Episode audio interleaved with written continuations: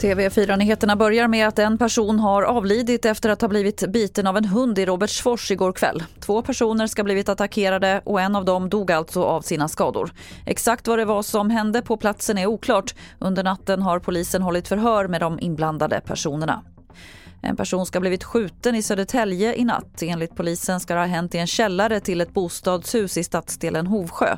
Den skadade personen var vaken och talbar och ska inte vara livshotande skadad. Polisen har inte gripit någon misstänkt. De utreder det som försök till mord. Idag kommer domen mot de aktivister som limmade fast sig på E4 utanför Stockholm för att protestera mot regeringens klimatpolitik. Det var den 29 augusti som 13 aktivister i reflexvästar stoppade trafiken på E4 utanför Stockholm. De krävde att regeringen ska återskapa de torrlagda våtmarker som nu läcker ut koldioxid.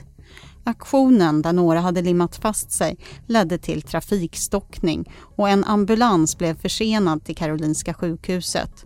Åklagaren yrkar på sex månaders fängelse för de flesta aktivisterna. Reporter här var Anneli Megner Arn.